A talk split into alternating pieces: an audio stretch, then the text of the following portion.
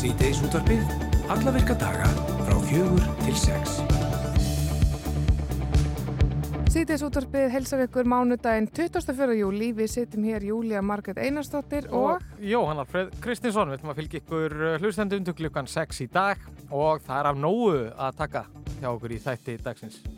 Já, hérna rétt eftir ætlum við að slá á þráðan vesturum haf til Hollywood auðvitað. Þar er okkar kona Dröfn Ösp Snorradóttir Rósas eða Didi Unit eins og við kallum hann stundum, stött eins og vennilega og hún gerði sér gladan dagan á fyrstæðin eins og margir í bandaríkjunum og líka hér á landi og tók uh, Barbenheimerinn sem allir er að tala um. Við ætlum aðeins að fara yfir það hvernig það fór allt saman því myndin sko Barbie og Oppenheimer voru frumsynda með pompa og prakt Það hefði verið mikil eftirvænting hver frumsýningarhelginni og það varð allt vittlaust allan eftir því sem maður hefði séð. Já, það verður áhugverð að hlerana um þetta allt saman og uh, já, svo er það sáti-arabíska knaspinu vorið og svo má segja í morgun bara nefnilega fréttir að því að uh, sáti-arabíska knaspinulið Al-Hilal væri að undibúa 300 miljón evra bóð í frönsku stórstjórnuna Kylian Mbappé en þessi eh, knaspinulið í Sáti-Arabíu hafa verið mjög virk á félagaskiptamarkanum í sumar og við vorum að velta fyrir okkur hvað sé nú að gera þarna, eru til endalusi peningar, hvað er planið hjá sátónum með knaspunna þar í landi? Hann Björn Berg Gunnarsson, uh, fjármálaráðgæfi hann verður hérna til svara um það. Akkurat, og svo er það sömarið, það er náttúrulega brúðköpstími það er allir að gifta sig og þessu fylgir náttúrulega vestlur, köku, átskraut blundur, fíneri, þetta er rosa mikið skipilátt í kringum þetta og mikið fjörs og um helgina fór til dæmis fram eitt afar glæslegt brúðkaup þegar vélaverkfræðingurinn og áhrifaldurinn Katrin Etta Þorstendóttir gekka eiga mannsinn Markus Vassarbekk í Garðakirkju og þau eru að gifta sig annars sinn á þessu árið því þau giftu sig líka í Þýskalanda sem þau eru búsett. Fjölmarkir fylgdist með leitunum á samfélagsmiðlum og hún ætlar að kíka til okkur og segja okkur svona frá þessu ævintýr og segja okkur frá svona, já hvernig það er að skipilegja brúðkaup og hvernig tilfinningin er eitthvað en að vakna upp eftir, eftir svona veislald. Já, áhugavert og svo höfum við nú verið á ferði um hljóði eitt uh, hérna um helgar á Rástöð og um helgina þá vorum við stöld á Snæfellsnesi og heldum það nút í flatti og við höfum verið að senda svona postkort frá okkur af hljóðveginum og við höfum að hlusta á eitt postkort uh, úr breyðafjörðarferjunni Baldri þar sem við rættum uh, við gott fólk um borð. Breyðafjörðarferjan? Já, þetta var tungubrátur dagsins. Um, og svo er það Twitter. Um, það er svona í setni tíð þegar við erum kannski fátt komið notendum Twitter á óvart eftir ólingindatóli Elon Musk tóku stjórnateimum á þeim bænum. En það voru einhver hissa að opna miðlinn gott að það var ekki bara í morgun til að sjá á fugglum góði sem kemur í ljósa að heitir Larry er að baka brott allaveg eins og staðan er og í staðin er komið svona svart X sem hann verðist að vola hrifin af hann Elon Það er ljóst að auðkjöfingurinn lætur ekki segja sér við verkum en á hvaða vekkferð er hann núna? Við erum búin að vera aðeins bá í þessu og fengum til okkar samfélagsmiðla frétta drotninguna Ingunni Láru sem er sestan hjá okkur. Takk fyrir að kíkja okkur. Já, lítið mál, kannan að segja okkur. Hvað er í gangi? Er þetta, sko, láð þetta í loftinu? Vissi fólk af þessum breytingum og hvað er hann að spá? Já, það er máli. Ég myndi segja að þetta væri svona það sem við kallum soft launch. Já. Þegar svona meðan svona kynna hluti, Ílón hann gerir þetta svo litið þegar hann fær svona nýja hugmynd og búin að plana eitthvað einhver tíma þá setur hann það fram á samfélagsmiðla eins og hann hafi bara verið að detti hug núna. Mm. hann byrjaði svolítið með helgina voru eitthvað að fylgjast með þessu. Hann var eitthvað svona týsta hérna hei, veitu hvað, mér finnst flott mér finnst X, rosalega flott, bara merkið, stafurinn þetta er eitthvað töff. Og hann notar X svolítið mikið, það er hann SpaceX og hérna, og svona X í hérna í Tesla bílónum mm -hmm. það er eitthvað svona Model X og svona. Og hérna, þannig að hann segir, herru, ég ætla bara að breyta öllu ég ætla að hafa X í staðin fyrir fugglin og svo bara fyrir hann að stað, byrtir þetta. Og þetta svona fyrir mér, þetta segir mér að það er einhver svona þörf til að, já, breytu merki rýbranda eins og Facebook yfir í meta og allt það, því að ég veit ekki, við erum bara hægt að finna upp á nýjum hlutum á samfélagsmiðlum. En, en sko það er, eitt, það er sko fú, fundamental uh, breyting sem að myndi eiga sér stað með því að fara úr fugglinum Larry sem að ég nota benni komst bara að í morgun að heiti Larry Akkurat. og eftir skittunni góðsannakendur Larry Bird uh, fylgdir vist sögni en sko það, að því að sko allir týsta þú mm. týstir og það er auðvitað vísun í fugglin. En hvað gerum við þá? Erum við að fara að exa eða hvernig, hvernig Já, er, er hann búin að hugsa þetta til endaðan Ílón eða? Ég veit það ekki. Það er eins og sko stundum heldur maður að hann sé bara svona að reyna að sko losa sig hægt og býtandi við miðlinn. Hann kaupir þarna á rosa sko háum prís og er bara fastur með hann ég held að þetta hafi bara verið djók hjá hann þegar hann bauði miðlinn svo endar hann einhvern veginn með hann Óbulett. elsku kall það hann er eitthvað að reyna að græða aftur á þessu en ymmit Ma, maður þá að segja exa en ekki í týsta þá allavega að vera planið. En ég sé að litapalettan er, er eins ef maður fer inn í forriti sjálft í, í símanum. Þannig að þetta er, þetta er svona soft launch Mann finnst þeim eitthvað svolítið á hann eins og sko, eða það er að segja, mann finnst það svo sem ekkert, ég held að það er svona eitthvað augljóst og hann vill vera í umræðinni mm -hmm. og eh, sk- skildi að vera gaggrinni er það jafnvel bara skárra og hann er rosa svona, þú veist, hefur talað gegn svona góða fólkinu og kannski svona þeim hópum sem að, já, hafa oft verið sakar um að stýra Mhm. miðlum eins og Twitter einhverju leiti um, sko, það er eins og einhvern veginn það sé rótin náttúrulega ofta því sem hann er að gera það er að fólk er að háta því að hætta miðlunum er að hætta, hann er búin að Mhm. tala um að, að byrja að rukka, einmitt. En sko, hvað hva ætla hann sé að fá út úr þessu, er það bara aðtiklisíkina? kannski er þetta bara eitthvað svona kikk sem hann fær út úr þessu. Því hann gerir þetta reglulega. Hann, hann gerir þetta reglulega að kynna eitthvað nýtt og spennandi. Kannski er einmitt til að halda honum svona flottum og vinsælum og, og halda hlutabrjáunum sko á, á góðum stað. Hann gerir þetta svolítið með The Boring Company. Þekkið mm. það?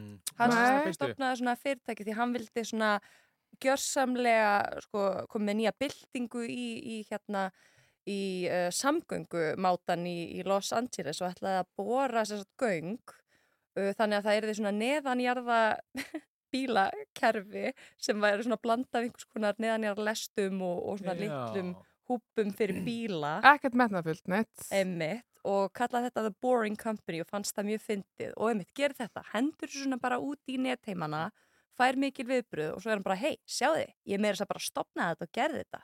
Hann gerði þetta líka með þarna eldvörpurnar, muni eftir þessu. Hann eitthvað, ég ætla að vera hanna eldvörpur. Mér finnst eldvörpur ekki vera nógu töff. Svo bara mætir hann og kynni bara nýjustu eldvörpurnar Ég minn. Ég veit ekki, það er eins og með alla þessar samfélagsmiðla dúta, náttúrulega allir stærstu miðlar sem við notum dagstægarlega á samfélagsmiðlum, þetta er allt bara einhverju gaurar sem að stýri og mér stundum við, við vorum að tala um dagann, smá svona lúða orka yfir þessu, Mhm. Emmitt. það var að reyna að sko koma með eitthvað nýtt og flott og þeir alltaf að herma eftir hver öðrum.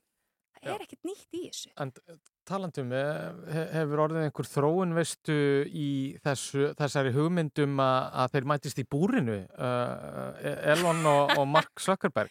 Einmitt, sko þeir tveir ætlaði að mæta þarna og, og bara fara í hvað? Nefaleika keppni, einhverju búri. Já, það, Ei, þetta fór alveg fram með mér, byrju. já það, þetta, er, þetta er eins og einhver svona, stundum við talað um svona einhvern síðkapitalisma og þetta virðist vera svona eins og Já, einhver þannig svona að ná enda- okkur ámarki Já, og já, kannski bara falla í eskuna. að því að náttúrulega einhver þekktir áhrifavaldar hafa verið að slást svona og svo er þetta að kaupa aðganga að þessu og þetta græðir víst mikla penninga en sannilega er þetta ekki til stærri barndagi en á milli stopnanda Facebook og, Nei. og eiganda Twitter Og rosalega svona heimsenda bragur eitthvað yfir þessu. Það er það og sko, málið með það er þarna fer, sko, þegar Elon Musk kaupir Twitter, þá er rekur hann alla. Mun eftir þessu Ragnardur Halla, Akkurat. okkar Íslanding.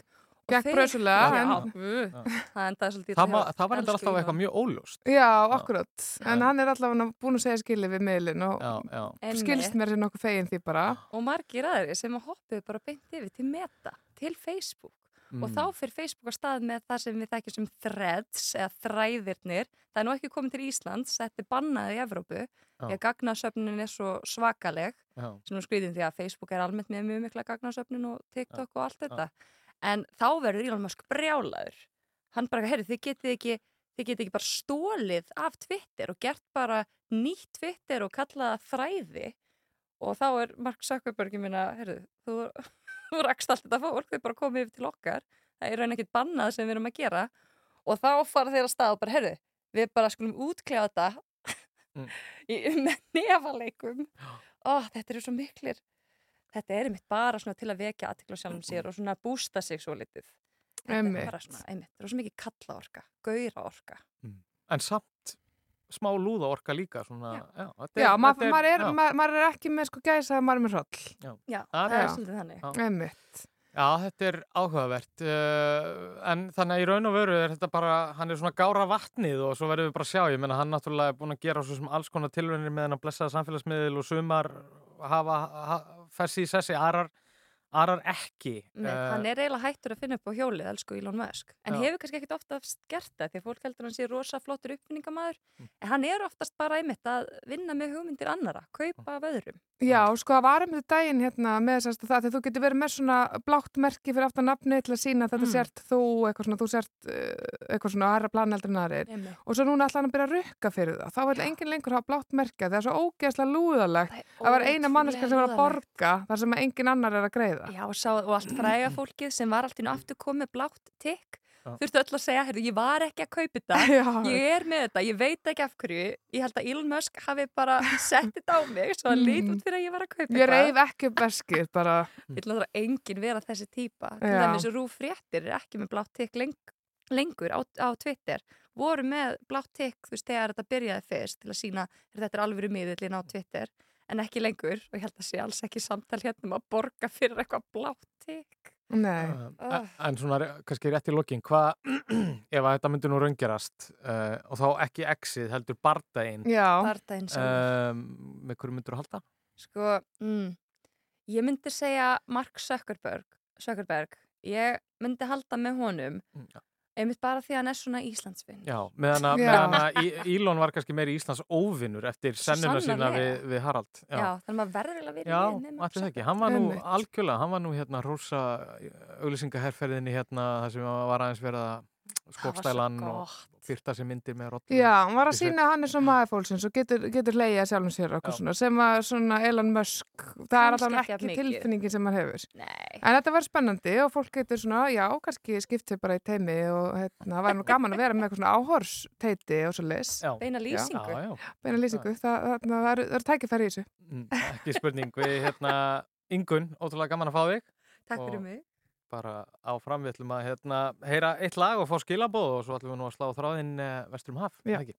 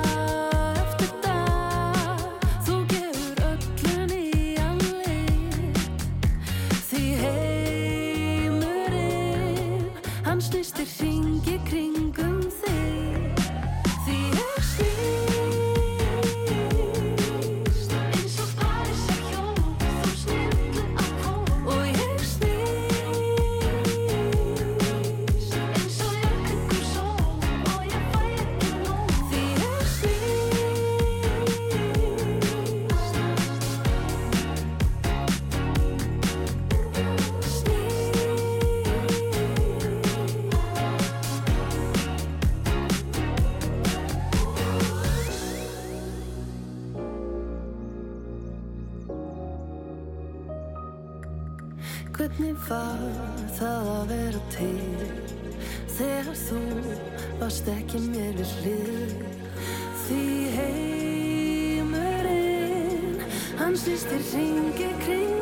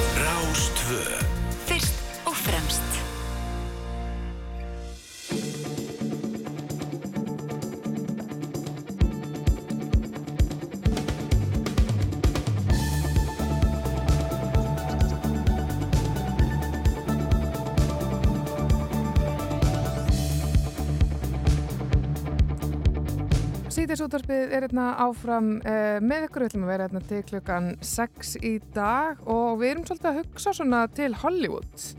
Já, ekki spurning, það er náttúrulega þessi stóra helgi, þessi stóra frumsýningahelgi, Barbenheimer helgin mikla sem er búið að vera einhvern veginn að hita upp núna með síðustu vikurnar. Rosalega, sko, það eru hérna filterarnir og það eru dúkkurnar og ég er svona reynd að vera vikana, sko, að það virðist sem að svona allan í auðlýsingum uh, um Barbie sé freka beintað mér, en það er endalust verið að reyna að fá mig til þess að taka einhver próf og skoða hvaða Barbie er og ég verður löslega að fara Barbie. Já. Um, en Oppenheimer er svo hinn myndin sem að hérna, fólk er búið að vera aðeinslega spennt fyrir og þetta virðist vera að virka. Þetta virkaði sem að þau ætlaði sér sem var að koma fólki aftur í bíó. Já, og við bara heyrðum það hérna í fréttum klukkan fjögur að það var bara ansi fína aðsókn hér heima því að myndina báða voru frumsýttar á sama tíma á Íslandi eins og Vestanhafs. ummitt Uh, og en í báðum löndum verðist Barbie hafa haft aðeins betur voru Jafnvel tölvert já, tölvöld betur, en það voru margir sem að bara hreinlega slúðu í einu höggi og skelltu sér á báðar myndina. Já, mér finnst það svolítið mikið Já, en við erum held ég með eina mannesku hérna sem að uh, gerði það, það er náttúrulega okkar kona uh, vestur um haf, það er hún uh, Dröfn Ösp Snorradóttir Rósas eða DD Unit, heyrur í okkur. að sjálfsögðu heyri ég ykkur. oh. Gott að heyri í þér hérna, þú. Það hefur náttúrulega gengið á ymsu hjá þér Þú ert, það er morgun hjá þér út í, út í borg Englana Jú, jú, 9.30. En það hefur verið nóga um að vera í dag eða hvað Í dag, já, er þetta meina hvar ég er stödd? Eða Til dæmis.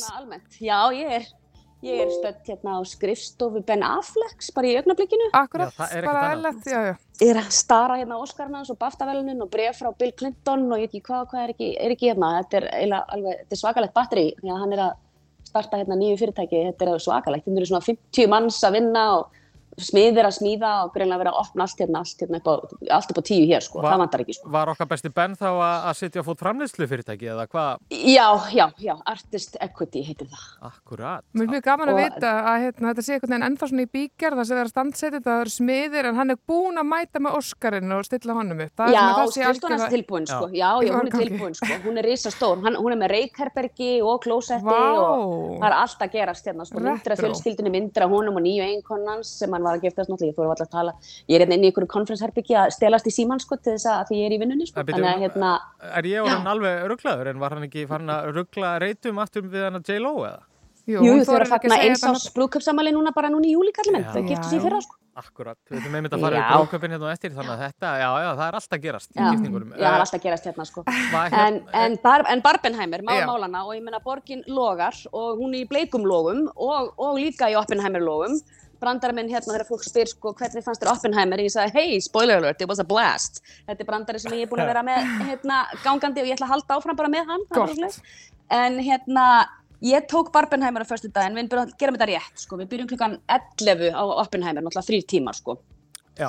og síðan, en þú veist, við fórum fyrst í, í, í breakfast sko saman, hópu fólks og fengum okkur smá öl og sake og, og japanskan hérna, núðlur, síðan dundum við okkur á Oppenheimer, síðan fara allir heim sko klukkan 2.30 í smá diskólúr og síðan var bara allir í bleikt, ég fór með sko 20 stelpum saman í bleikum, við, keftum miða í bíó sko fyrir meir en mánuðu síðan. Einmitt. og, og bókuðum borða Músvan Frank sem er hérna 100 ára gammalt steikhúsin í Hollywood sem er frækt fyrir að þjónarnir eru allir í rauðu og Martínian þeir eru, eru fljótandi og, og, og flæðandi og, og hérna Once Upon a Time in Hollywood, var skotinar og ég ekki hvað og hvað. Þannig að við mættum þar náttúrulega með dólk eftir myndina en bíóið var geggjað og logaði. Ég fór Chinese Grauman Theatre sem er fræga bíóið hérna í Hollywood sem er með veist, hand, handaförunum og, og, og hérna í steipunni fyrir utan sko Aha. og það voru allir í bleiku og fólk var sko, gó, sko gólandi í bíó, klappandi, standandi ég hef aldrei farið í bíó fyrir jafn miklu spenningi bara á æfinni sko, ég veit að alveg stemning fyrir Star Wars en veist, þetta var þetta er svona historical dæmi, svona double feature sem eru svona í sikkur áttinni og báða myndin voru æðislegar og ég meina hafa algjörlega sko, ég meina þið sjáu hvernig sko sala miða hefur verið. Bar- Barbie átti ekki, þeir voru búin að spá henni sko svona 80-90 miljónum í opnun sko, hún er alltaf komin upp í 155 miljónir dollara bara í Ameríku sko. Ég minnast þið.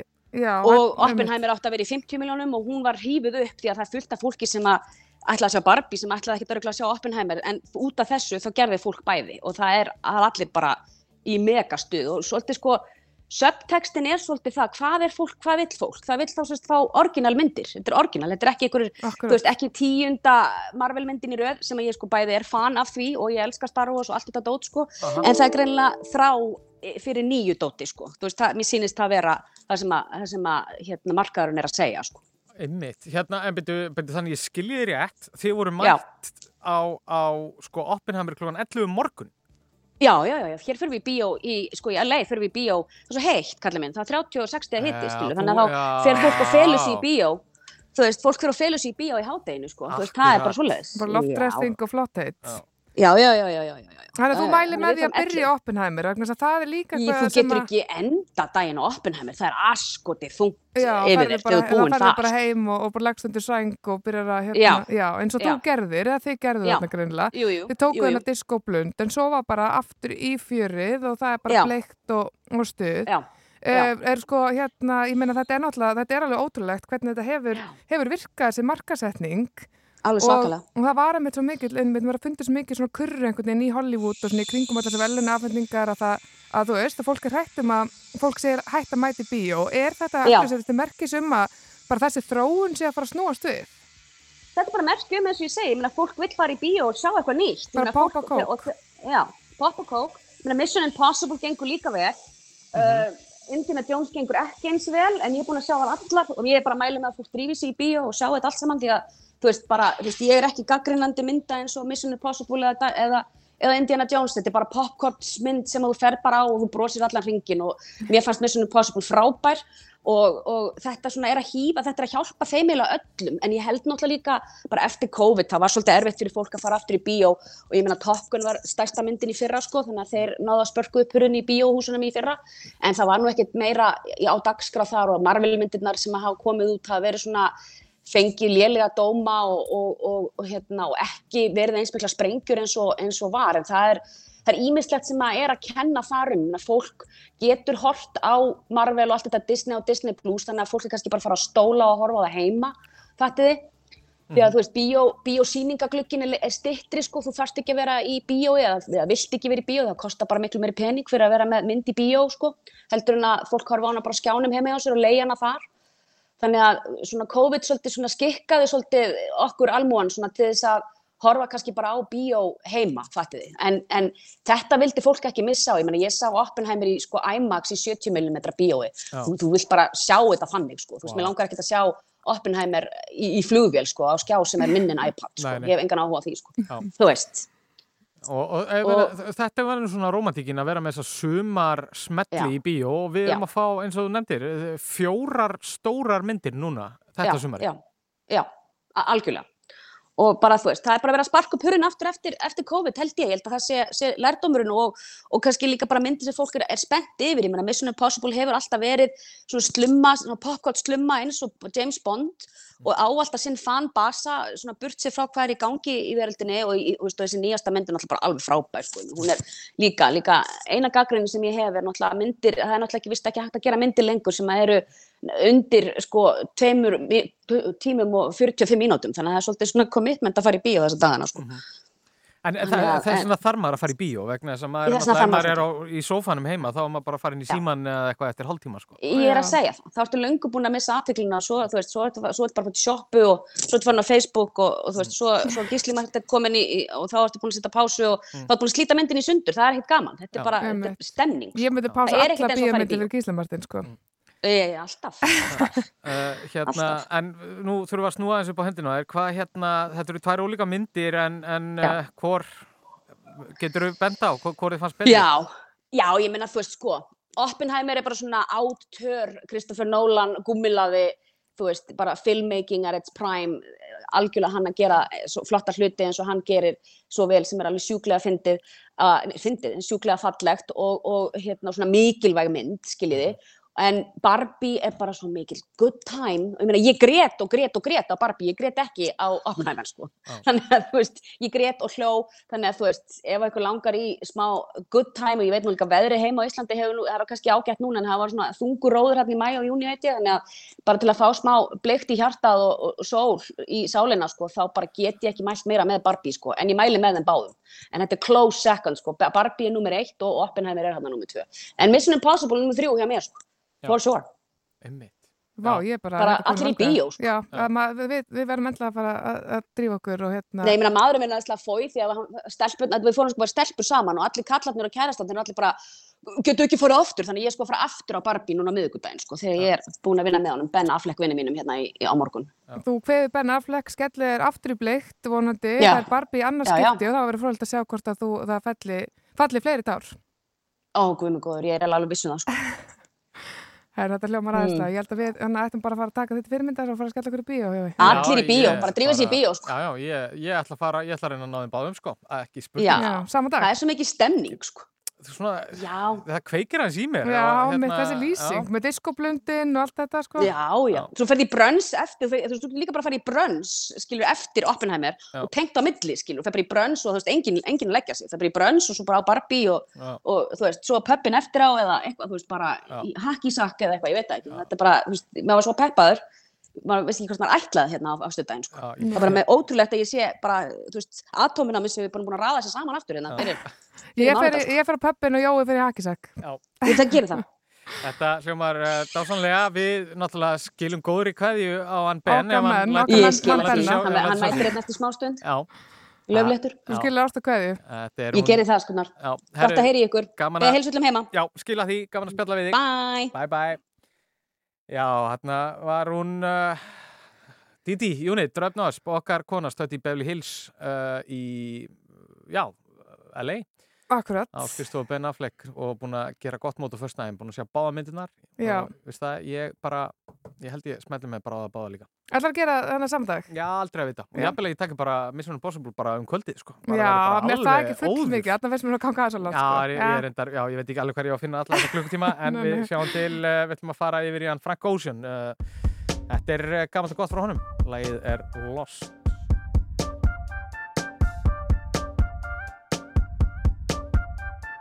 double D, big full breast on my baby. Triple weight, couldn't weigh the love I got for the girl. And I just wanna know why you ain't been going to work. Boss ain't working you like this. He can't take care of you like this. Now you're lost, lost in the heat of it all. Girl, you know you're lost, lost in the thrill of it all. Miami, Amsterdam, Tokyo, Spain, lost. Los Angeles, India, lost on a train, lost. my buttercream silk shirt and it's Versace.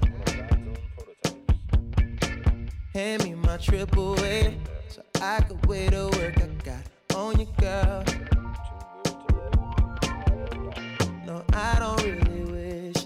I don't wish the titties were sure. No, have I ever, have I ever let you get caught?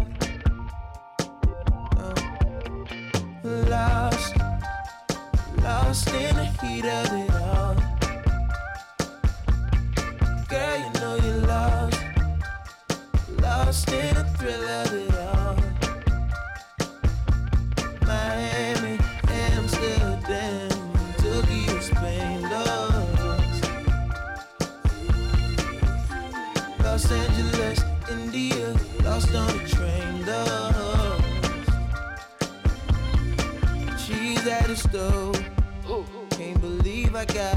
here cooking dough. Cooking dough. I promise she'll be whipping meals up for a family of her own. Someday, nothing wrong, nothing wrong, no, nothing wrong with the lie. Nothing wrong with another short plane ride through the sky. You and I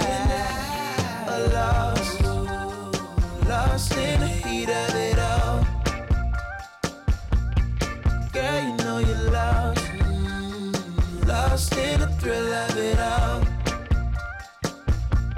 Miami, Amsterdam, Tokyo, Spain, lost.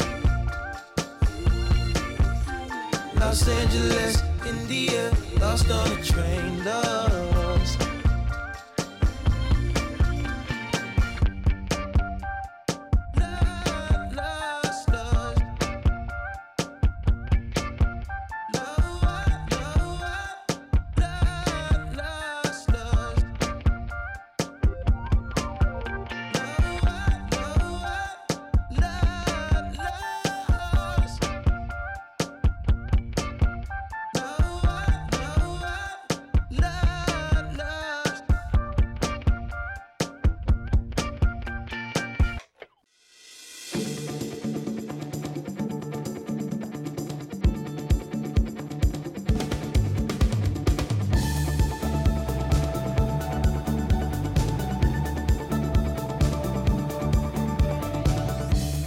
Já, við höldum áfram hérna í síðdeisútvarpinu á Rás 2. Ég heiti Jón Alfreð. Og ég heiti Júlia Marget Einarsdóttir og já, við ætlum aðeins að fara að tala um fótboltan, já, ekki reyndar HM Kvenna sem hefur verið mikið í umræðinu og vonandi allir er að fylgjast með. Það er nefnilega bárust fregnir af því að sáti arabíska knastbyrniliði Al Hilal væri að undirbúa sko 300 miljón evra bóð í stjórn- stórstjórnina Kylian Mbappe og það er einhvern veginn, hann hefur verið svolítið að milli tanna fólks upp á síkasti, hann var nú orðað við Manchester United manni hérna. Uh, og það var einhver svona einhverjum skilmálum háð sem að já, sko, se- sem að leiðið gæti ekki mætt. Um, sko, hva, hvað stendur þetta mál og hvað er að gerast þarna út í Sáti Arabi? Ég meina, það er bara hver stórstjórnum fætur annar einhvern veginn að fara þanga. Og Já, við erum komin hérna með góða mann sem að veit allt um þetta bæði fjármála spekulant og líka, líka auðvitað fótbolta áhuga maður. já, þetta er Berg tvöfald að sleggja. Björn Berg er um, sesturinn hjá okkur. Hvað getur þú sagt okkur? Já, ég- held að það sé mitt bara ágætt að taka undir spurninguna, sko, hvað er eiginlega í gangi þarna? Já, akkurat. það, það er auðvitað svona það sem maður gerir, maður bara einhvern veginn hendi sér aftur í sófann og, og, og svona spyr sig bara vegna þess að, að það er verið að eyða það er verið að eyða bæði ótrúlegum fjárhæðum en það er líka verið að eyða því sem augljóslega þarf að eyða til þess að koma leikmennu þangað og, og við erum að sjá það verða til sem er mjög áhugavert svona sem, sem einhver, ef, ef við höfum leikið okkur í einhverju svona hugaleikvimi, hvað myndi kosta að eitthvað? Svona, hvað myndi kosta að færa Hollywood einhvern annað? Hvað myndi kosta að bara byggja upp nýja stórstjórnu knaspundild frá grunni? Og við erum að sjá það núna gerst í Sátiarabíu og það er bara að kosta fjárhæðir sem við höfum aldrei séð áður. Einmitt. Og við erum að sjá launin sem verið er að greiða þessum knaspundimunum. Enginn þeirra er að fara þangað til þess að spila fótbolta það er enginn að fara þangað vegna neins annars en, en knastbytunar og, og sumir þeirra neyta því en, en margir þeirra eru bara búin að segja það í viðtölum. Þeir segja bara ég get ekkert hafna því að fá 20 sundum hæri laun í Sáti-Arabi en ég fengi í Þýskalandi, Englandi, Ítalíu, Spáni. Og, og þá er fa faraðir þangað uh, nokkuð margir, það er reyndar ákveðin kvóti þannig að sko, megin þóri leikmanna í hverju lið er alltaf sátar og svo ertu með þarna kannski þrjár, fjóra, fimm stórstjörnur. Og uh, það sem verið er að gera í sambandi við Mbappe er, er í rauninni sambarilegt og var gert við, við Ronaldo sem er í rauninni bara að stimpla það inn að þetta sé alvöru. Að reyna að fá þarna dýrasta leikmann í heimi sem er búin að vera hangandi í svolítið óþæglu lausu lofti núna í Akkurat. svona 2-3 ár þar sem að hann augljóslega vill fara vill fara til Spánar, til Madrid til Real Madrid en það er eitthvað óþægileg það gengur ekki alveg upp að komin og þangað alveg strax. Og þá segja nú svona fréttirnar að hann fá að millilenda í Sáti-Arabíu en það verður alls ekki ókipis vegna þess að hann virðist þá ætla að verða að minnstakosti í krónumtalið uh, rí- eh, dýrasti leikmaður sögunar en það er eitt sem er mjög áhugavert við það er að það er þá í fyrsta skipti sem leikmaður er keiftur uh, á slíku verði sem dýrasti leikmaður sögunar án þess að það sé gert ráð fyrir að hann verið síðan s- að, að, að, að um, hann verið festur þangað til lengri tíma Einmitt. þetta er, þetta er í fyrsta skipti sem við heyrum talað um skamtíma samning og dýrasta leikmann sögunar á Já. sama tíma En nú bara, bara þannig að maður velti því fyrir sig sko, því að það er svo erfitt að fá þetta fjárhastlega til að ganga upp sko. Alltaf er að kaupa hann á metfé fyrir alla þessa peninga og hann svo að fara frítt eftir eitt ár. þannig er verið að segja frá þessu já, það, og það er auðvitað algjörlega fráleitt en sko það hlýtur að vera erfitt að láta þetta reikningstæmi ganga upp, alveg sama hvað Excel-fórið þú ert að nota. Já, en Excel-fórið sem verið er að nota er þannig að þetta er 0,04% af vasanum sko, sem, sem penningan eru teknir út Já. sem er fjárfæstingarsjóðu Sáti Araba sem Já. er rétt að detta í 100.000 miljardar íslenskara króna Já. og það að kaupa fótboltamann Mm. á einhverja 40-50 miljardar skipti bara einhver máli í því samhengi Mm. ef það sem fæst í staðinn er það að bara ná að stimpla það inn fyrir, í eitt skipti fyrir öll að þetta sé alvöru sem við erum að þetta er gera veginn bara fyrir ímyndina. Þetta er bara það, já. En sko til dæmis eins og varandi Ronaldo, manni fannst einhvern veginn svona hálfpartin eins og hann var smá svona hrakin eða hann kemur hann til Manchester United og það átt að vera eitthvað svona rosa flott og hann átt að vera svaka stjarnar og svo gengur bara einhvern veginn bröðslega hjá hann hann er komin einhvern veginn upp á kant við alla og mann fannst svolítið eins og það væri svona fólk væri að kasta hann á milli sem svo heiti kartefla, vildi enginn fá hann Já. þá fer hann þarna og það er einhvern veginn enginn svona þessi ljómi í kringum það sem einhvern veginn átt að verða en eins og Mbappe, hann er einhvern veginn á allt öðrum stað á sínu ferli Já. þannig að þú veist, er það ekki kannski líka bara svona pælingin um að vera Þú veist, þau get ekkert verið að festa mann eins og hann sem að gæti verið að fara til Madrida sem hann langar til að vera en það væri voða flott innan smá tíma og kannski fyrir áhortölur eða hva, hvað er það að spá? Þau vilja, Já. já, Nei, það, það er alveg rétt og við höfum, við höfum kannski bara, ég veit ekki, kannski bara tvísasnu séða áður að, að leikmaður svona besta aldri er að fara fyrir svona gríðarlega fjármunni eh, annað en í lið sem er þá stæst á þeim tíma eða svona Akkurat. þeirra stæst á þeim tíma. Það er náttúrulega þeirra neymar, eh, liðsfélagi hans fór á sínum tíma frá Barcelona til, til eh, Parísar, eh, þá það var partur uh, í fjárfæstingastefnu Katara til þess að byggja upp Paris Saint-Germain og, og, og ebla uh, í rauninni pólitíska ímynd Katara í Evrópu og síðan fyrir tæbri öll þegar Kolumbíumenn er að fjárfæsta mikið í fótbolta og allt nú fara leikmenn að streyma þanga en, en þetta, þetta ef, ef við hugsum um hvers vegna að þá geta verið nokkrar ástæður og, og, og uh, áhrifin geta verið ólík. Eitt af því er að Sáti-Arabía eins og mörg einræðisríki uh, þeim er mikið mun þráttur þessi einræðisríki að halda línum heima fyrir góðum. Þrátt fyrir það að, að, að þeir hafi algjörlega uh, nánast líti, líti á, á þegnana sem eign sína að þá verður þú samt að halda fólkinu góðu. Og þetta hafa margir reynd að gera með því að koma stæstu partíum í heim uh, í heimi heim til sín þess að vilja einræðislönd halda stórmóti íþróttum. En að byggja upp stór og skemmtilega deild heima fyrir munu þetta gleðja heimamenn alveg svakalega. Uh, annað er það að þetta uh, er auglýsing. Þannig að, að eins og mörg einræðislöndur að gera þau eru að sína þau séu það sé hægt að, að, að díla við það að setja eiga business við það og að fólk vilji vera þarna helstu eh, áhrifavaldar heimsins sem eru knæspunni stjórnunar séu gladar þarna og taki Instagram myndir af fjölskyldunum og, og Mhm. þar framöndu göttunum en það er líka það að knattspyrnan er mjög pólitísk og veitir aðgengi að áhrifa fólki og fjölmjölum út um allan heim. Og það er ekki tilvílun til dæmis að, að uh, við erum alltaf að sjá forsetta knattspyrnu sambandsins með leiðtúa sátt í Arabíu núna í fjölmörg ára þá er þeir bara alltaf eitthvað saman að bjalla og hafa það gott. Uh, og, og Sáti Arabi er ekki stórveldi í knæspunniheiminum, það er bara verið að kaupa aðgengi að þessu. Mm. og það að vera við hlið áhrifafólks er ákveðin gæðastimpill og þetta, þess svona hefur knæspunni verið beitt af miklum krafti, sérstaklega venræðisríkjum á undarförnu og ástæðin fyrir því er haldið áfram með vegna þess að það virkar. Það skilar góðum árangri að kaupa sér pólitísk áhrif og velvild fólks og þvó sitt mannord í gegnum fótbolta.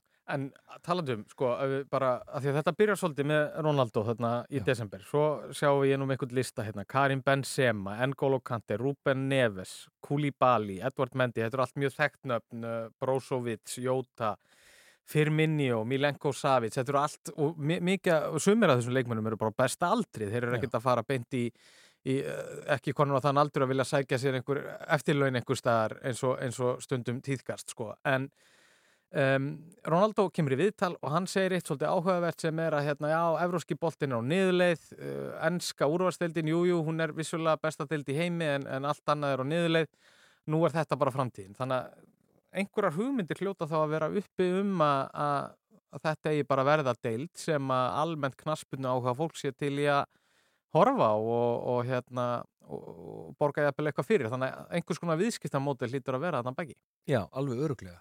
Og struktúrin verður þannig á þessum næstu árum að þessi kvóti varandi erlenda leikmenn, að hann mun verða útvikkaður, þannig að fleiri og fleiri núna með hverju árun sér líður munu meiga vera erlendir. Mhm. Þannig að við erum ekki að sjá, þetta er ekki búið sko. Það, það, þeir munu halda áfram núna á hverju ári að kaupa leikmenn.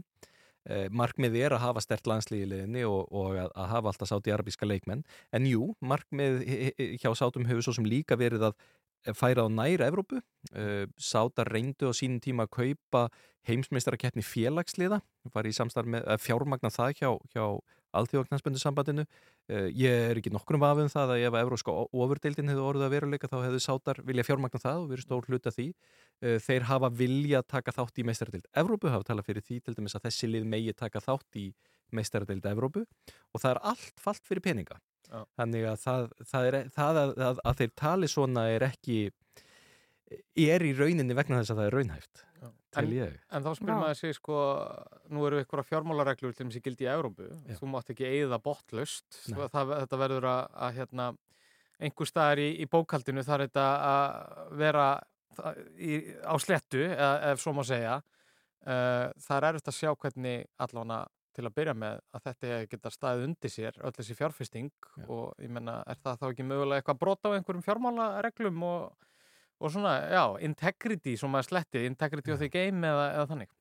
Já, maður hefði haldið það svona ef við værum bara að spjalla saman um hvað okkur fyndist um það, þá værum við að sjálfsögðu samála því en um, nei, þeir, þeir, uh, þetta fellur ekki undir sáti-arabísku fótbolti fellur ekki undir þessar stífureglur eða stífureglur, uh, þessar, þetta regluverk í, í. Evró, Evrópu uh, og þeir hafa í rauninni þegar leikið sér að evrópsku reglunum með kaupunum á Newcastle.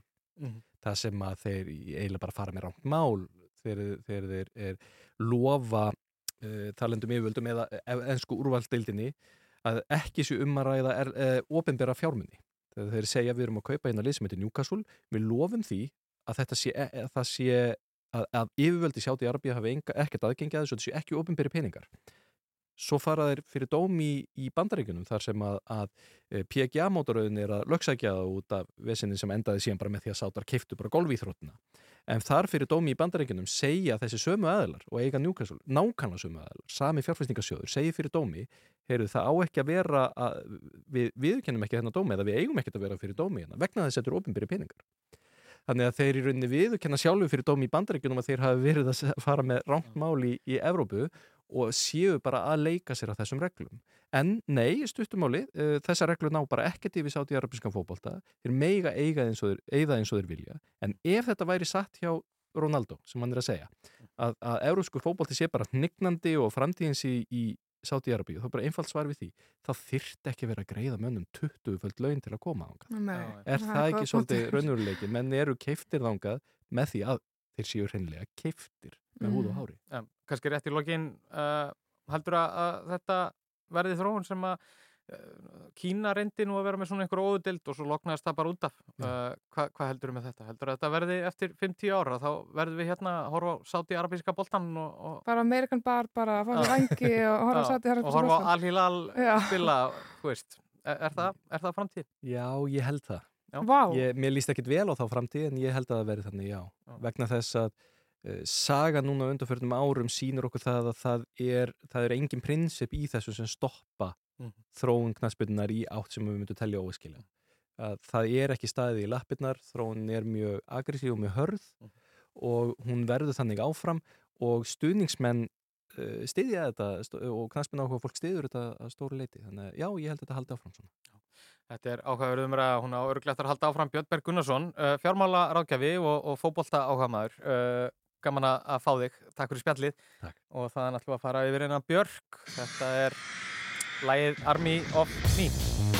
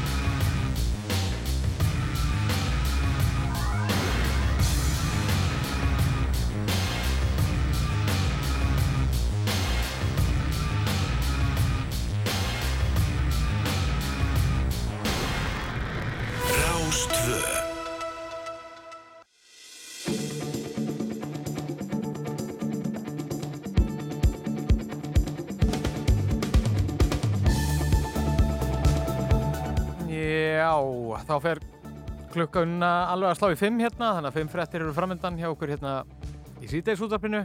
Já, og við vikjum þá aðeins er réttastofunni en komum hérna aftur strax til 5 og ætlum að vera með ykkur til klokkan 6. Við ætlum að tala um brúðkaup, við ætlum á Snæfellsnes og við ætlum bara að fara alltaf við að vefn. Já, bara ekki spurning, þannig að við höldum ótröð áfram eftir skamastund smá Coldplay svo er það frettir. Þú ert að hlusta á síðdeis útvarfið á Rástvö.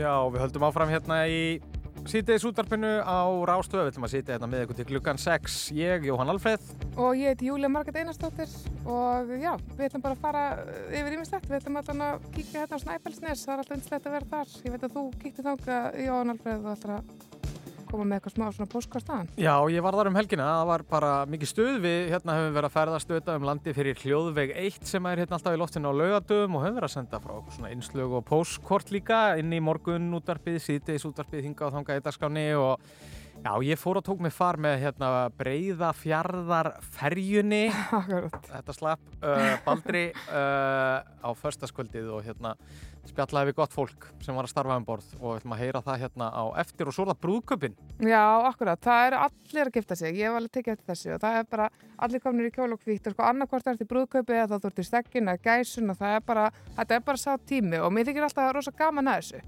En það að til dæmis ákveða að gifta sig og fara eitthvað neginn í gang með allt þetta ferli, ef þú ætlar að halda almennilega upp á þetta, er rosa mikið skipulega þarna baki. Já. Og það er ekki sama hvernig þetta er gert. Þannig að hérna, ég ákveða að fá, sko að heyra í henni Katrin Ettu, hérna hún er uh, svona áhrifavaldur, hún er líka, hún býr út í Þýskalandi. Um, það, það er ekki mjög margir til hennar er að fylgjast með henn til þess á samfélagsmiðlun og hafa gert í nokkur ár hún var að gifta sig sérst í Garðakirkju manninu sínum, Markusi Vasserbæk sem er þýskur. Um, þetta var alveg svakalegt brúðköp og þau voru sko búin að æfa bæði sérst hérna vinkonur hennar voru búin að æfa eitthvað dans, einhvern svona hérna brúðamegja dans og, og hérna og það var eitthvað svo mikið svona fyrirtæki í kringum þetta og, og mér langar bara svona aðeins að heyra henni taka púlsun á nýgiftri konunni sem að gifti sig líka sko í Þýskalanda, hún er með tvöfaldagiftingu sama manni sko, svo einmitt já, eins og já. framöðu komið, þetta er sama maður sem hún giftist, en þá er nátt- náttúrulega bara til þess að já, vera með kannski fólkinu þeirra úti og svo fólkinu þeirra heima og hérna, og já, hún ætlaði að segja ykkur frá, hún er að lenda eftir alveg, já, að því mér síndist stórkvæslega helgi. Já, þetta verður mjög forðalegt hérna kannski upp úr klukkan hálf uh, sex en uh, svo er bara nú að tónlist líka uh, við ætlum að fara, þetta er þetta að vera kannski að einhverju leiti svona mesti sumarsmellurinn sem að ef við ekki að segja þetta sé sumarsmellu frá Sigurós þetta var hérna komund árið 2008 með suði eirum við spilum enda laust uh, skemmtilegt lag, inn í mér syngur vittleysingur Já, þannig að það þekki þennan margis.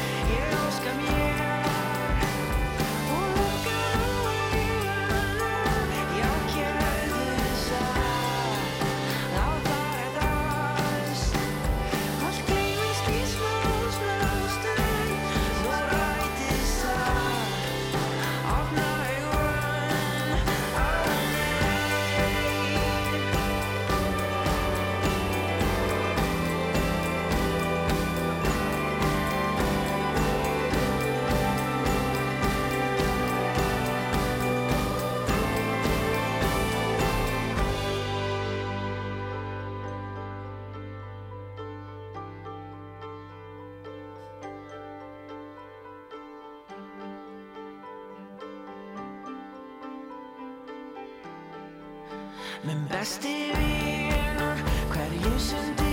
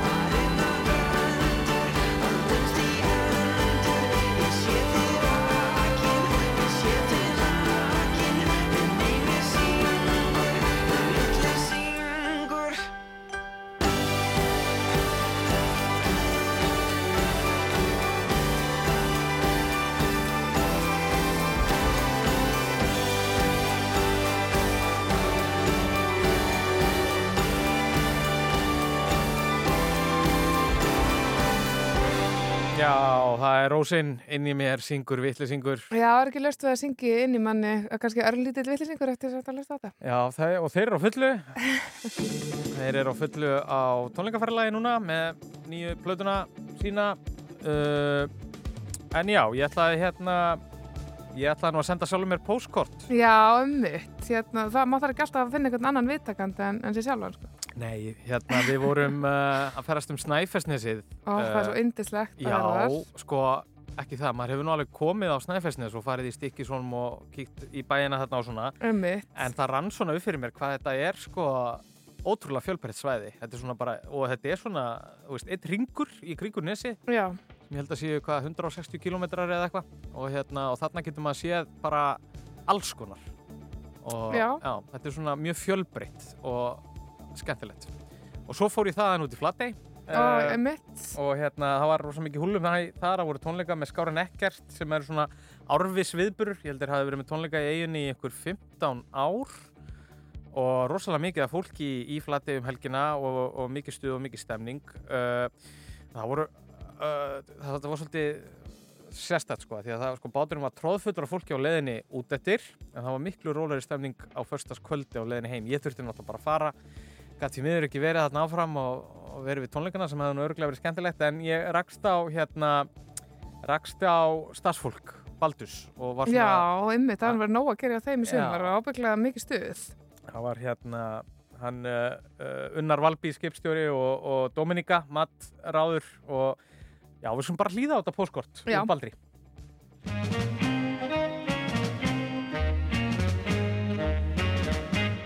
Blítt og létt, báran skvett, bátnum gefur.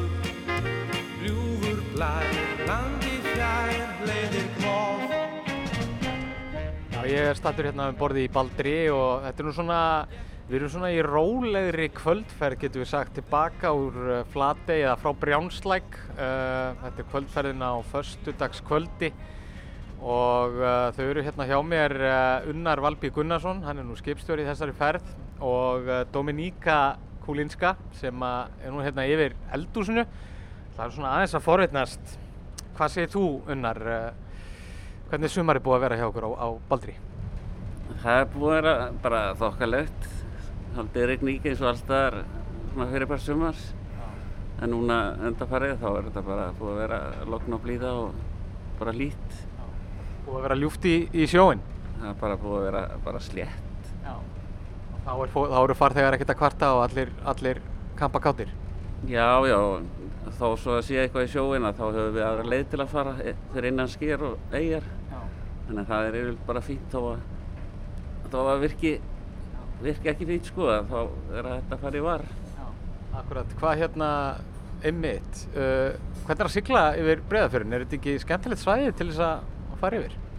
Jú, þetta er mjög fjölbreytt. Maður er alltaf að sigla fram hjá skerjum og, og mikið fuglalíf. Hvaðalur stundum. Við erum búin að sjá hnúfubark, eða svona einu sinni, og höfrunga og, og nísur. Já, maður hefur heyrt að ef maður er heppinn þá, þá er þetta bara útsinnis sigling. Þetta er það bara, maður þarf ekkert að vera heppinn. Og svo er mikið lundalíf, lundaeyjar. Þannig að það er sérstaklega á túristum mjög vinsælt. Er það svona gott í sjóin, Dominika, þá hlýtur fólk að vilja borða? Jú, þetta er bara magnað. Það er að borra stannlaus. Já, er það ekki? Að, hérna, það er góð matur hérna líka, ekki? Uh, já, ég vona það. Ég er bara, ég held að svo þá vona ég það til að það er að fara gott. Já. Hún afgreiti hérna 100, 100 pandanir tæpara og 45 minútum að leiðin í flategi. Ég vil nefnilega heyra það, sko, Flatey er bara uppselt um helgina og það kemur stríðu ströymur aftur á morgun inn í Flatey og, og það lítur að vera gaman, Dominika, svona. Það er mikið af fólki, mikið að gera, mikið af pöntunum og, og, og nóg, að, nóg að gera. Jú, þetta er bara magnað. Það er eins og það ég sagði það er stærsti dagur í sumarinn. Mér finnst að það var ekki rosalega mikið að gera. Nei, Þú veist, ok. það er eins og við gerum bara 100 skamtan, bara 1, 2, 3 búinn. Þetta líður bara hratt. Já, bara mjög hrætt og bandarnir bara komið og svo fóru strax úr eldhúsi. Hvað ertu búin að vera lengi í, í þessu? Hmm, það er, ég er bara hér viku á Baldri, en ég er að kokka bara alveg nokkra ár. Ég er að vinna fyrir Stykkisholmsbær Já. og þá bara elda ég fyrir krakkana í skóla og dvala heimili og svona. Gaman að- taka svona, e, e, svona nokkra túra á, á Baldri í, með því. Þetta er bara alveg allt annan eins og ég ger bara hverju daginn. Þetta er alveg magnað. og svo fólk, fólk hér bara um borð, þetta er bara allt annan leif.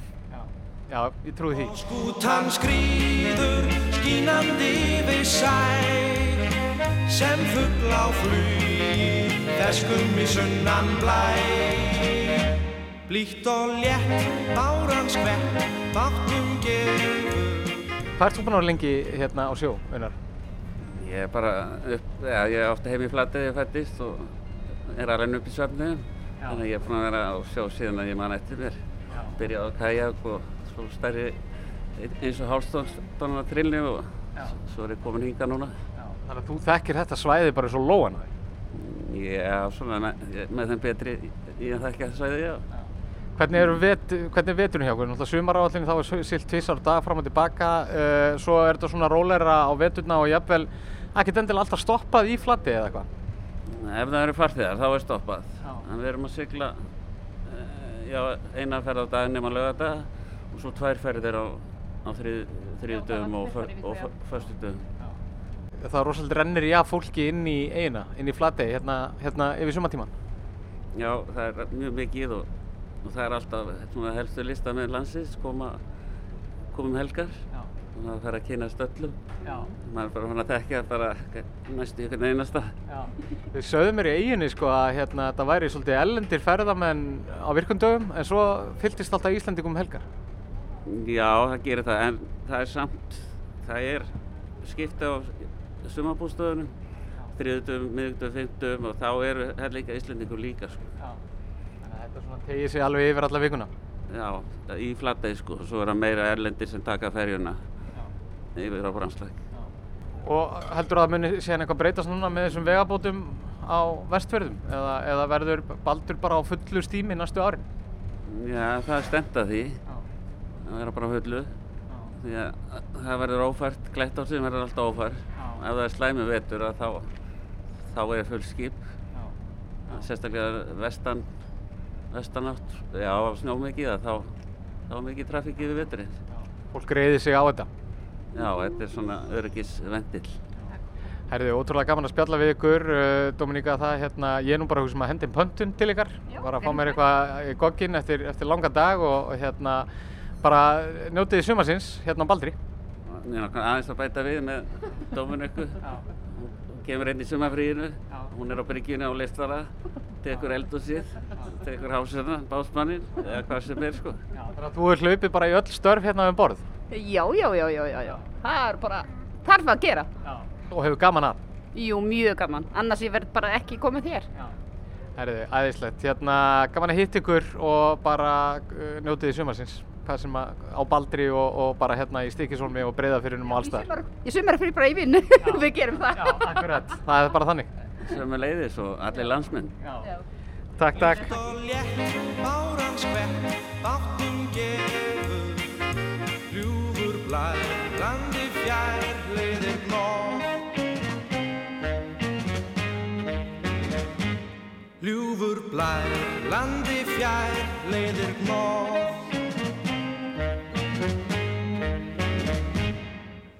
Rástvö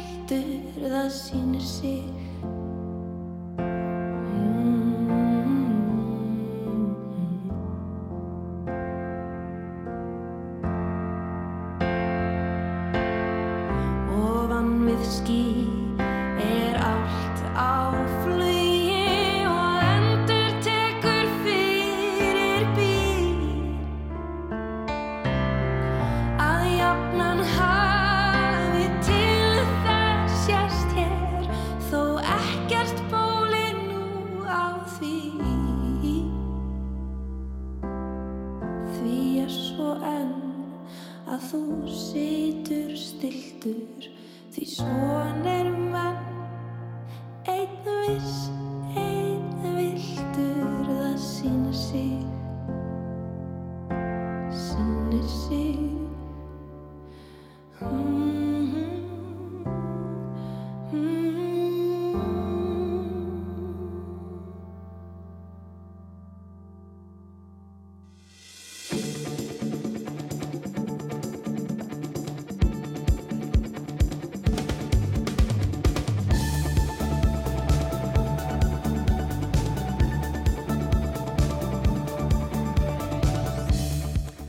er ekki um að villast að síni sig, þetta var dásamleg ábreyða sem að Una Torfadóttir söngina fyrir okkur og söng upprunalega í stúdíó 12 þar sem að, já, ímislegt verður til. Uh, við erum hérna, sko, síðan að við settum þetta inn í hljóðverð svona rétt aðna fyrir fjögur, ég, Júlia Marget Einarsdóttir og Jóhann Alfred Kristinsson, þá höfum við verið að fylgjast með uh, vefmyndavelni sem sýnir okkur litla hrút sem að hlautirna frægð uh, fyrir skömmu þegar hann ákvaða að fara, eða þegar það fór að gjósa hérna á þessu svæði á Reykjaneskaðanum. Já, og það er nú bara já, það er bara mikið sjónaspil í gangi núna við Lillarhút Já, hérna, væga sagt. Já, það bara gusast þarna upp uh, það bara fossar upp úr gígnum og nú hafa nú reyndar einhverjir haft áhyggjur því að, að, hann fari bara að gefa sig hreinlega Já, sko, hérna, eins og við sagðum hérna áðan meðan að það var um, slögt á hljóðnæmunum að þetta er svona, þetta, hann er hann barma fullur og uh, það skvettist og skvettist. Og við erum alveg búin að fylgjast með vegna þess að fólk, uh, fólki þykir ægilega fyndið að hérna sprella svolítið fyrir fram að vefmildi Já, maður er kannski dáleitur sem dáleitur að horfa á sjónaspil náttúrunar og svo allt í einu er bara búið að fylla út í skjáin bara einhver, einhver mættur hann að jafnvel að stíga eitthvað TikTok-dans eða eitthvað fyrir fram að vefmyndavelinu Akkurat, og mér bræður alltaf jafn mikið þetta er svo rosalega stór skjár og þetta er svona svolítið eins og sé gluggi og svo byrja fólk eitthvað að veifa þetta til okkar og það hefur enginn verið neitt sérstaklega frumlegur en fólk er svona svolítið að vinka og svolítið forviti en nú maður bara komið smá áhyggjur sko að því að hérna, þetta lítur allan ekki þannig út að það sé hyggilegt að vera þetta nála Já. þess að núna það sem við erum að horfa á þetta núna og ég mæla alveg með að fólk farin á rú.is og kíkja þarna inn vegna þess að það er að skvettast þarna upp úr og það lítur allan út fyrir að segja ekkert mjög langt í að hérna, það fara bara sullast um allt. Já, ég gæti alveg trúa því og, og uh, það er nú svona það sem að hefur uh, já, verið, verið uh, rætt um og, og, hérna, og talað um að, að, að það gæti nú, hann alltaf hrundi þarna, það maður sér að það komið smá róf í gígbar minn að norðverðu. Akkúrat. Uh, þannig að hérna, Það er ekki gaman held ég að brenna sig að þessu sko. nei, heldur betur ekki en, en það er hægt að fylgjast með þessu og vefmyndavelinn, hún er bara í fullum gangi og veitir glögt útsinni yfir þetta allt saman svona, já, fyrir utan þegar einhver, einhver sprellarinn. Já, þegar sprellarnir, já, ég myndi svona fyrir alla sprellarinn að úti og það er fyrir þá sprellar sem er að hlusta, það langar mig að ráðleika ykkur að geima sprellið á meðan að þetta er staðan, sko, Já, vegna þess já. að þetta verðist ekkert vera örugasta sprell sem að hægt er að gripa til. Já, akkurat. Það var Eh, þetta að kaupa eitthvað prömpusprengjur eða eitthvað svona meðan maður er heldur í sér, þangað til að það lítur út fyrir að vera, já, ekki alveg svona svakalegt ástand þarna. Nákvæmlega. En uh, uh, já, við ætlum að halda síðan áfram hérna bara á fullu til klukkan 6 og vona á góðum gesti hérna á eftir. Uh, svona eftir eitt lag og skilabóð. Já, eitthvað svo leys, segja aldrei akkurat eitt lag að skilabúða, þá kemur hún sér fyrir hjá okkur, hún Katrin Edda Þorstensdóttir, fæði sér kaffibótla og segir okkur frá helginni sem að var, já, mjög skrætleg.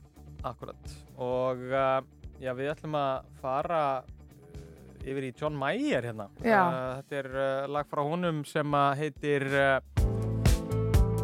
New Light Þetta er nú voða svona notalegt. Þetta er, já, við erum búin að vera notalega nótum og við ætlum að halda því áfram. Já, mánudags cozy.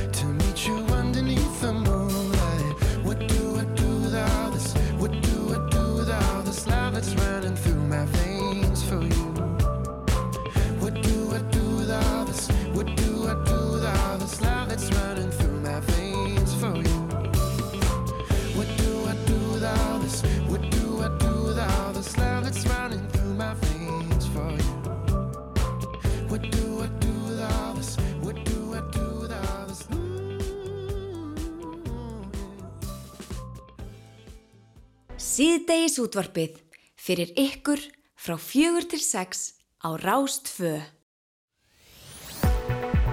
Veðurhorfur næsta sólaringin. Já, ætlum að kíkja, já, líta eins til veðus, segjum við það ekki? Jú, ég held að þetta, þetta er bara svona fullkomlega orðað uh, hjá þér, Jóhann Alfred. Um, já, þú ætlar að segja okkur en þú búin að vera aðeins að skoða þetta og svona hvernig þetta lítur út næsta sólarhengin um landið allt. Já, fyrst og kannski síðast, þá náttúrulega er ennþá viðvörun í gangi vegna gasmengunarinnar sem að hefur leið svona yfir höfuborgarsvæðinu og já, inn á Vesturland og Suðurland frá eldgósinu. Uh, Blámóða var talað um og hérna, þetta er svona, já, mjög fín, þetta er svona fínt svifrik einhvern veginn. Já. Ég veit ekki, maður ma svona, ég var að mynda að ferast um Snæfellsnes eins og við tölum um áðan og þar sá maður þetta liggja einhvern veginn yfir eins og hita mistur eða eitthvað. Ummitt, já, það er ekkert grín að anda þess að sér og fólk sem er með einhvers konar lungnasjúkdóma og svona, þeim er bara ráðlagt að, fara valega á meðan að þetta er staðan um, og já, viðstofan var við þessu og hérna það er reikmengun vegna gróðurelda. Já. Stendur þér?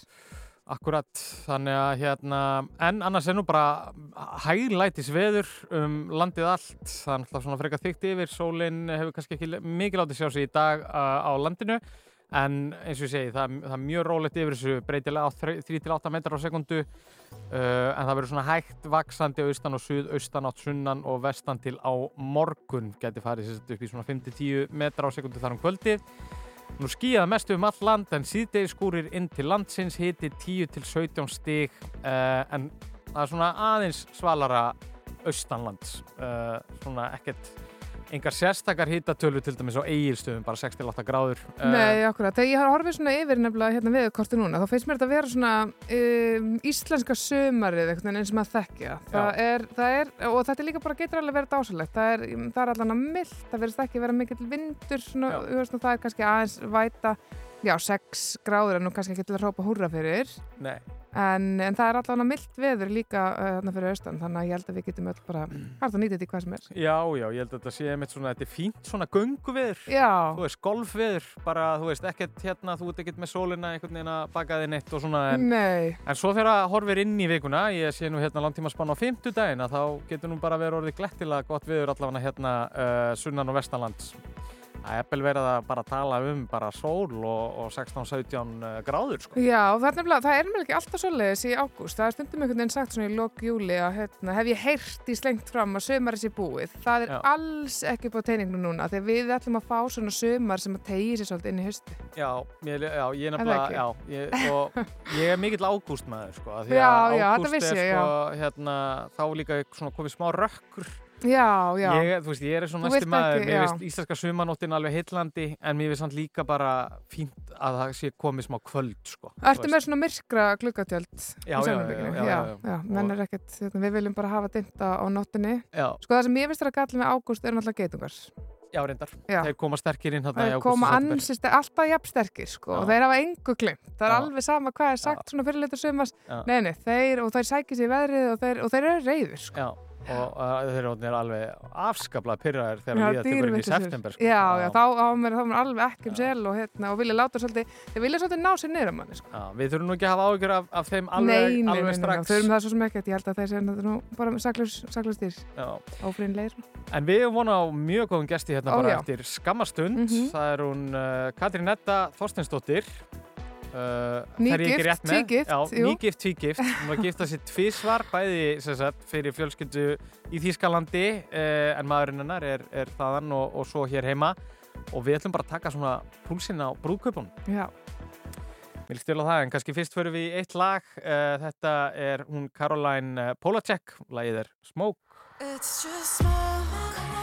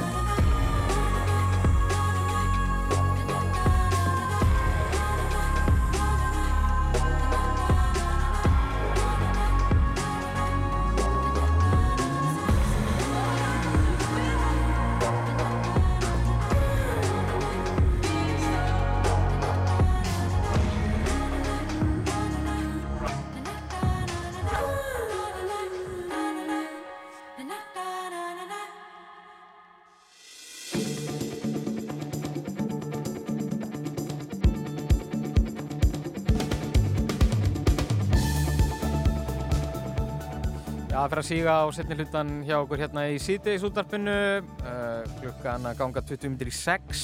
Uh, en við höfum eitt góðan gest eftir, það er hún Katrín uh, Edda Þorsteinsdóttir, áhrifavaldur, uh, nýgift og tvígift í raun og veru því að hún held veisluna sína bæði í Þýskalandi og Íslandi Nákvæmlega. með Þýskan maka og hérna við ætlum að taka svona púlsinn aðeins á brúðkaupum sumasins og stemningunni í kringum þau. Það var mjög skemmtilegt að fylgjast með efnunennar í kringum, kringum þetta allt saman. Algjörlega. Við fáum að vita meira um það. Hún En- er bara að koma sér fyrir. Algjörlega, næst er það uh, Clemens Hannigan. Uh, þetta er lag sem að heitir Spend Some Time On Me Baby. Fyrst og fremst Þetta er Rástvö.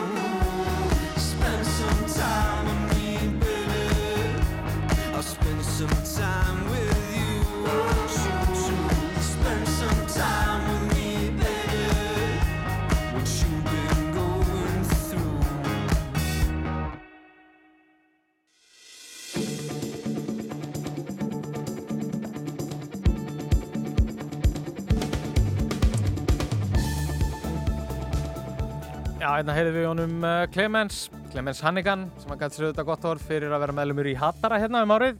Hann er farin að gefa út fullt af uh, flottir tónlist, þetta var lagi Spend Some Time On Me Baby. Við erum komið með frábæran gest hérna í lokþáttar. Já, sannlega. Um, fersk bara, uh, ég er sko nýgift, tvígift, það, hún er endur ekkert alveg nýgift af því að hún Katrin Edda Þorstinsdóttir sem að situr hérna með okkur er stödd hér á landi sem að Já, margir af hennar fylgjendum eða allir fylgjendur hennar vita er ekki alltaf svo leys hún er búsett í Stuttgart og er vela verkfræðingur eh, bara til hafingi með helgina til að byrja með Katrín. Takk fyrir það. Hérna það var búin rosalega mikill undirbúningur. Þú náttúrulega ert að sko hérna, fyrst giftið ykkur úti í Stuttgart í janúari fyrra. Já, rétt. Þú og Markus maðurðinn mm -hmm. þið eða eina dóttur. Já Uh, hvernig, hérna, sko, var það, var það látlausara í sniðum þegar þið giftu ykkur þar?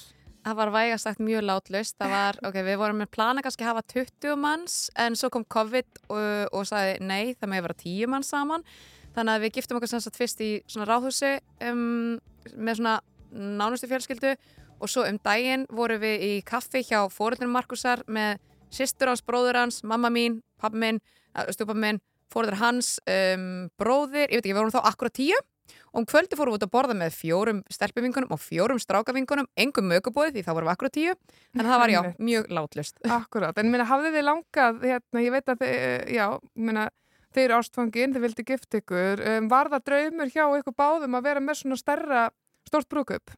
Nei, ekki beint, ég meina það var nú ég hef aldrei beint einhvern veginn verið með eitthvað svona draum að hafa, að, þú veist, þegar ég var yngri þá hafði ég alltaf einhvern veginn séð fyrir mig mjög látlust og lítið brúðkaup, uh, eitthvað starf út á landi og eitthvað bla, en núna bý ég bara Þískalandi og mér langaði bara að bjóða einhvern veginn öllir fjölskyldum minni og vinnum mínum og þá var þetta bara einhvern veginn alltaf starra kannski að maður bjóst við og það var ekki eins og það margir að koma frá Þískalandi þannig að ég hafði þann, hvað segir maður, luxus að ég gat bóði, ég þurfti ekki að um, hvað sem að filtera og marga það er mjög erfitt að hérna, bjóða og ekki bjóða þessum og bjóða þessum hinnum sko. Mhm. einhvers stað þurfti maður náttúrulega að setja mjörg en, en ég gatt samt búið alveg frekar mörgum frá minni hlið af því að það voru ekkert svo margir að koma frá Þískalandi þannig að, að þú veist, ekki það margir, ekki hundrað allavega Nei, það var ekki hundra, en það var næst þessi fjölskylda uh, hans, eitthvað, eitthvað hluta þeim. Mhm. um, sko, máli er að, já, sko, mér langaði svo mikið að ræða þetta við þau. Sumarið er einmitt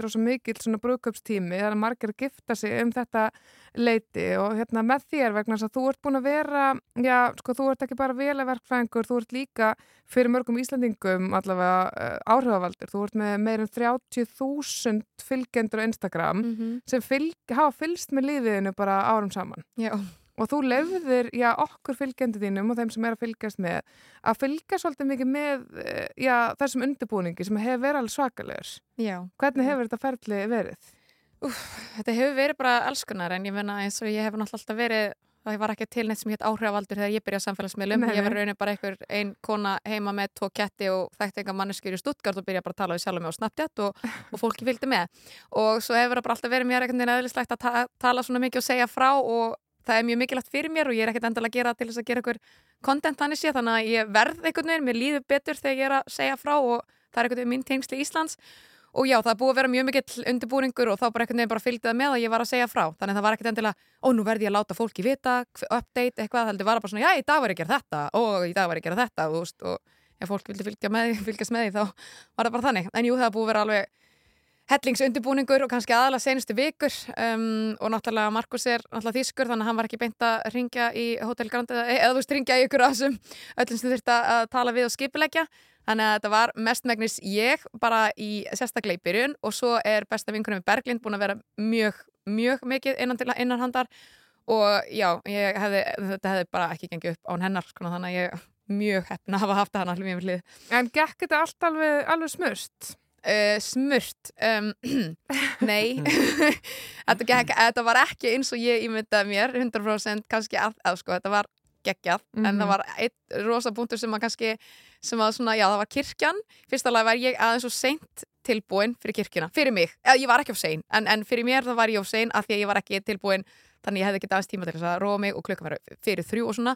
Þannig ég var eiginlega tilbúin er, svona tímyndir í þrjú svo er ég rétt komin í kirkjuna og þá gleymdist blómvöndurinn þannig Berglind þurfti að sækja hann og svo dótti mín sem átti að vera í rosalega fallum krútlum vagni verið kyrt inn með blómum og lalala sjömanna hérna.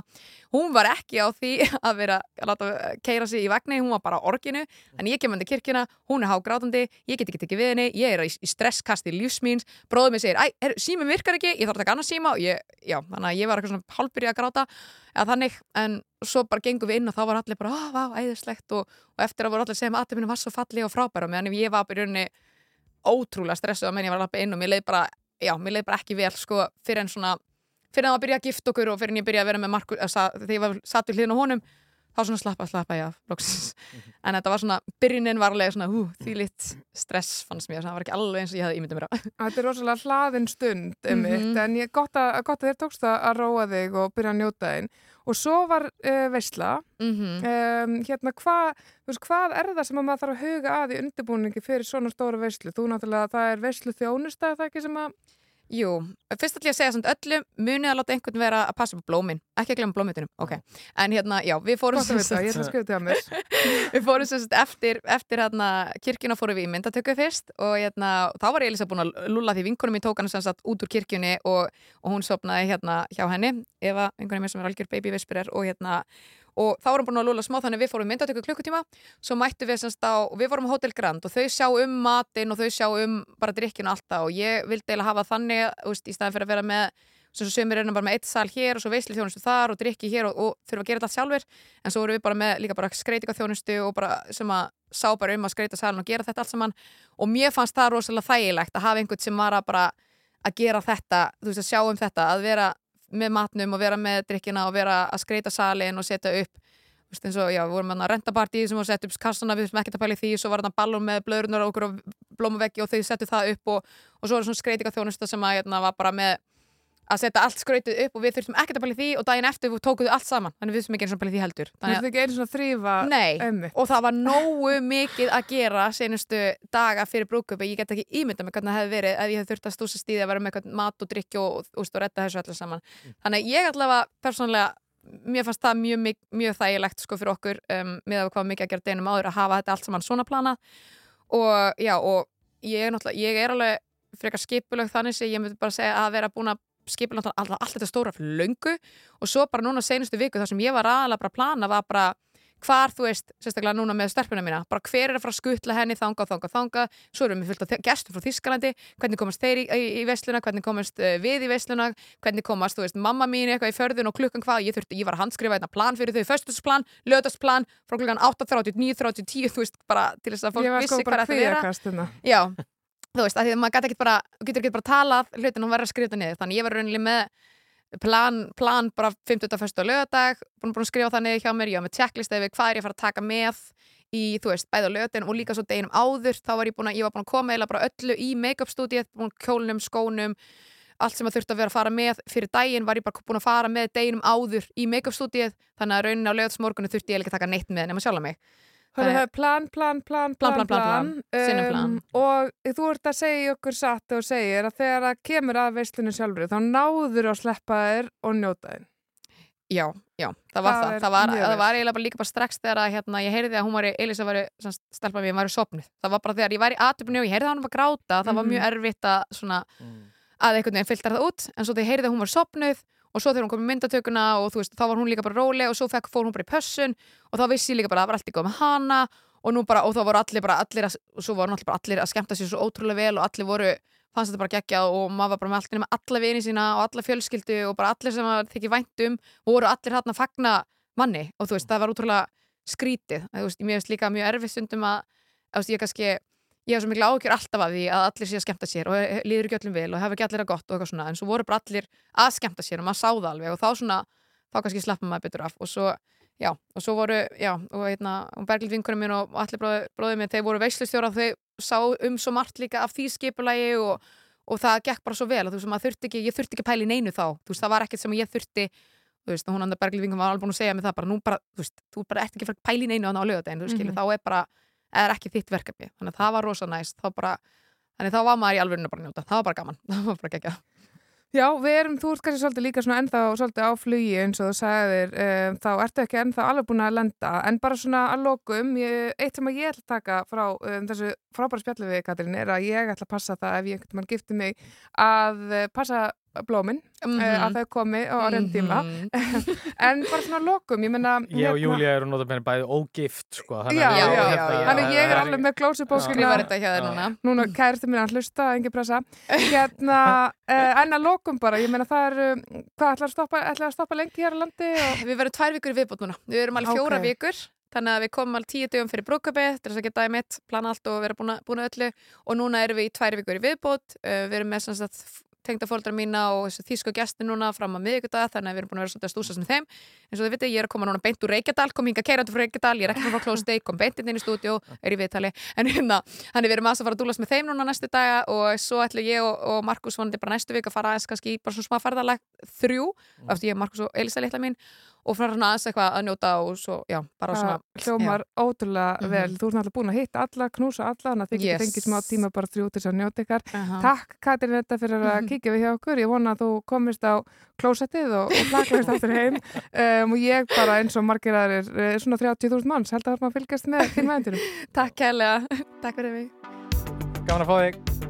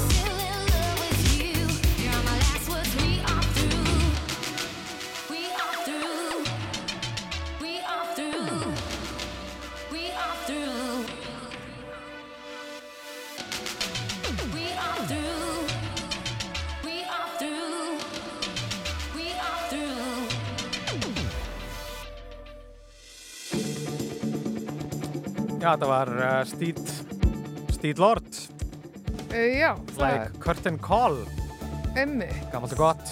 Um, herru, þá er svona bara ljúka hjá okkur í dag, Júlía. Þetta er búið að vera bara frábælega skemmtilegt. Við erum búin að fara yfir ímis mál. Við ringdum hérna vestur til Hollywood. Uh, já, má ég vel að segja að við höfum ringt á skrifstofu Ben Affleck. Já, ég held að við hefum bara gert það bara bókstarlega og mér finnst það einmitt svolítið viðend að spila stílord vegna þess að þau eru einmitt voru einmitt, já, á þessum svipuðu slóðum og hún dröfn ösp okkar uh, í borg Englana, Hollywood, Beverly Hills, allt þetta fína og dröfn var náttúrulega að segja okkur frá því að hún hefði, væri búin að taka um, já, tvöfaldan uh, Heimer, það er að Barbenheimer, Barbie og Oppenheimer og mæli með því að fólk uh, horfi á báða myndirnar uh, saman dag í bíóhúsum. Akkurat, Svo fórum við aðeins yfir fótboltan í Saudi Arabi og öll þessi svakalegu kaup sem að knastbyrliðin þar hafa verið að uh, gera. Kom hérna Björn Berg Gunnarsson, fjármálaráðgæfi, fór yfir það. Við fórum aðeins yfir Twitter og Elon Musk og svo sendum við, uh, já, tókum á móti einu postkorti af hljóðið eitt. Já, frá var- þér bara. Já, já, það þér. og svo var hún Katrín Edda sem var hérna uh, rétt áðan en uh, að því sögðu þá bara þökkum við fyrir okkur í dag Takk fyrir samfélgdana með síðdeisútvarpinu Það er komið að fréttum